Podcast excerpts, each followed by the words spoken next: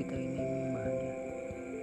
Jadi tentu kita ingin membahagiakan diri sendiri dulu. Mungkin terdengar egois tapi itu adalah sesuatu yang wajar, bahkan wajib agar kita bahagia. Kita ingin bahagia. Siapa sih yang gak mau bahagia?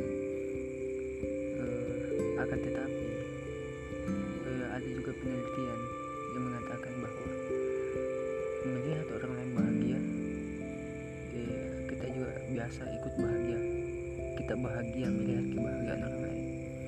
Seperti halnya memberi ketika kita merasa eh, rezeki kita cukup kita pun memberi kepada orang lain. Dan kita kita merasa bahagia melihat kebahagiaan orang lain. Dan itu tidak salah. Jadi apakah kita harus bahagiakan diri sendiri atau membahagiakan orang lain? Ya kita melihat kita melihat maslahatnya. Kalau kita sudah merasa cukup kita bisa berbagi kepada orang lain untuk memberikan mereka kebahagiaan. Kalau kita sendiri yang butuh ya maka kita berbah apa, melaku- mendahulukan kebahagiaan eh, kita sendiri. Maka bersikap pertengahan.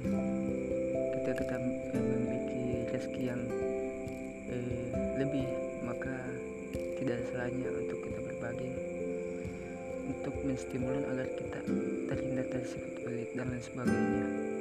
Jadi bersikap pertengahan adalah salah satu uh, faktor kita bisa menentukan apakah kita bisa mendahulukan kebahagiaan diri kita sendiri atau kebahagiaan orang lain. Mungkin bisa dipahami